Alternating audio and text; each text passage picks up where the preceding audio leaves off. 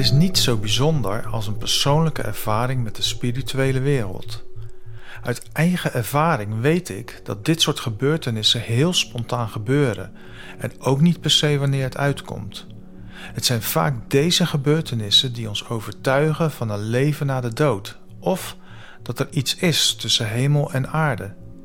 Ik zie het daarom als een geloofservaring, niet een geloofsovertuiging. Veel mensen hebben spontane ervaringen met overleden dierbaren, maar veelal vinden deze pogingen tot contact geen gehoor. Juist door de aard dat het vaak niet verklaard kan worden, druist het in tegen de levens- of geloofsovertuiging van de ontvanger. Het is jammer dat er hierdoor veel ervaringen niet gedeeld worden. Het bleek laatst op Facebook maar weer dat er op mijn post hele leuke reacties kwamen van diverse mensen op de vraag of ze wel eens een ghost story hadden meegemaakt.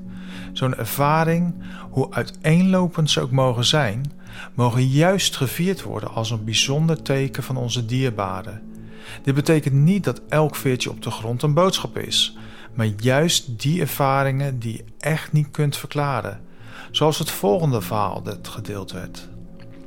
Ik ging naar het graf van mijn oom en wist niet in welk graf de urn was bijgezet.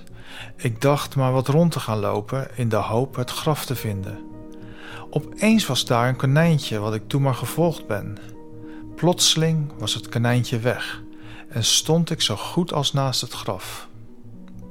Ratio en overtuiging volgen geen konijn. Het is juist een gevoel, een kans, een mogelijkheid dat er toch iets meer is tussen hemel en aarde die je het konijntje laten volgen. Zo ontstaat er een geloofservaring die je heel misschien wel overtuigt net even anders naar het leven te kijken. Meer open te staan voor die kleine magische momenten die onverklaarbaar zijn, maar zoveel troost bieden. Het zijn juist de geloofsovertuigingen die kritisch bekeken mogen worden.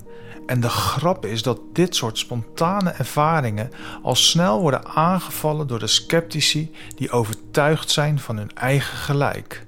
Een overtuiging is een overtuiging. Alles wat enigszins afwijkt ervan wordt als onzin en nonsens bestempeld.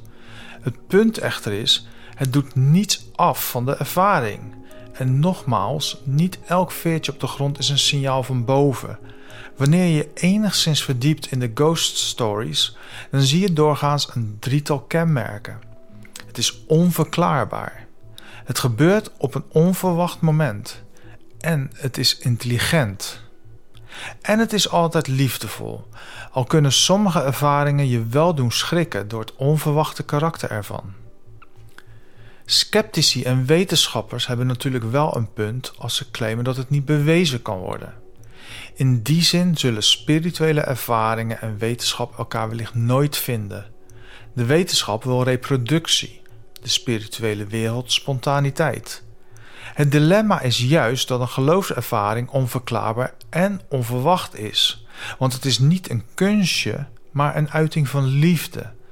Maar misschien nog belangrijker, het is persoonlijk. De ervaring waarbij bijvoorbeeld een dierbare midden in de nacht aan je bed staat, is persoonlijk. Het zal de overledene een worst wezen of een wetenschapper het gelooft of niet.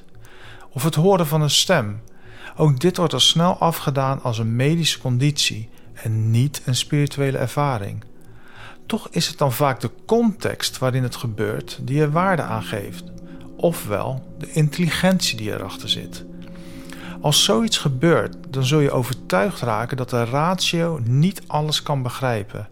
En je zult veelal meer open gaan staan voor zulke ervaringen die je doen geloven in bijvoorbeeld een hiernamaals. Het heeft ook geen zin om een spontane ervaring te herhalen. Ik vergeet nooit meer een van mijn eerste bewuste ervaringen toen ik op bezoek was bij een vriendin. Ze is een transmedium en had wat signalen gekregen over wie haar gids zou kunnen zijn. Zij bracht het in verband met een locatie in Engeland. Maar het bleek later zijn achternaam te zijn. Ze vertelde me dat ze in trance zou gaan, de gids te vragen dichterbij te komen en ik moest deze gids maar eens flink aan de tand voelen. Wie het was en alle hoe en waarom. Ik was redelijk nieuw in het spirituele landschap van mediumschap, dus ik had eigenlijk geen flauw idee wat ze allemaal bedoelden. Maar ze sloot haar ogen en waarachtig. Op een gegeven moment zag ik een man verschijnen. Ik zag de man gewoon met mijn ogen open en het was alsof hij achter haar tevoorschijn kwam. Met grote verbazing vroeg ik hem in gedachten onder andere zijn naam, geboortejaar en nog wat zaken. Ik weet niet waarom ik dacht dat dit zou werken, maar het werkte en hij gaf netjes antwoord. We hadden een naam: George. Het is misschien flauw, maar omwille van privacy kan ik geen achternaam geven. We gingen gelijk op internet zoeken en typten zijn voor- en achternaam in, maar vonden niets. Opeens hoorde ik nog een woord in mijn oor gefluisterd: sophisticated.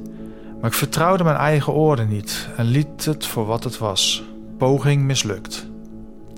Of toch niet? De volgende dag op werk bleef het maar door mijn hoofd spoken en dus opende ik de browser en zocht op zijn voor- en achternaam en dit keer ook het woord sophisticated. Ik klikte spontaan op Google Images en ik schrok me helemaal de blubbers. Ik keek recht in het gezicht van de man die ik de dag ervoor gezien had. De afbeelding leidde naar een familiestamboom en de beste man die ik gezien had was de vader van de desbetreffende gids. Alle informatie klopte met wat hij me de dag ervoor gezegd had. Kon je zo'n gebeurtenis maar wetenschappelijk vastleggen? Het zal waarschijnlijk nooit lukken. Maar het was voor mij een ervaring die ik nooit meer zal vergeten. En vele verschillende ervaringen zijn er daarna nog gekomen. Ik geloof er echt in dat als we ervoor openstaan, de spirituele wereld laat weten dat ze er zijn. Dat is geen geloofsovertuiging, maar vertrouwen in de kracht van de ervaring zelf.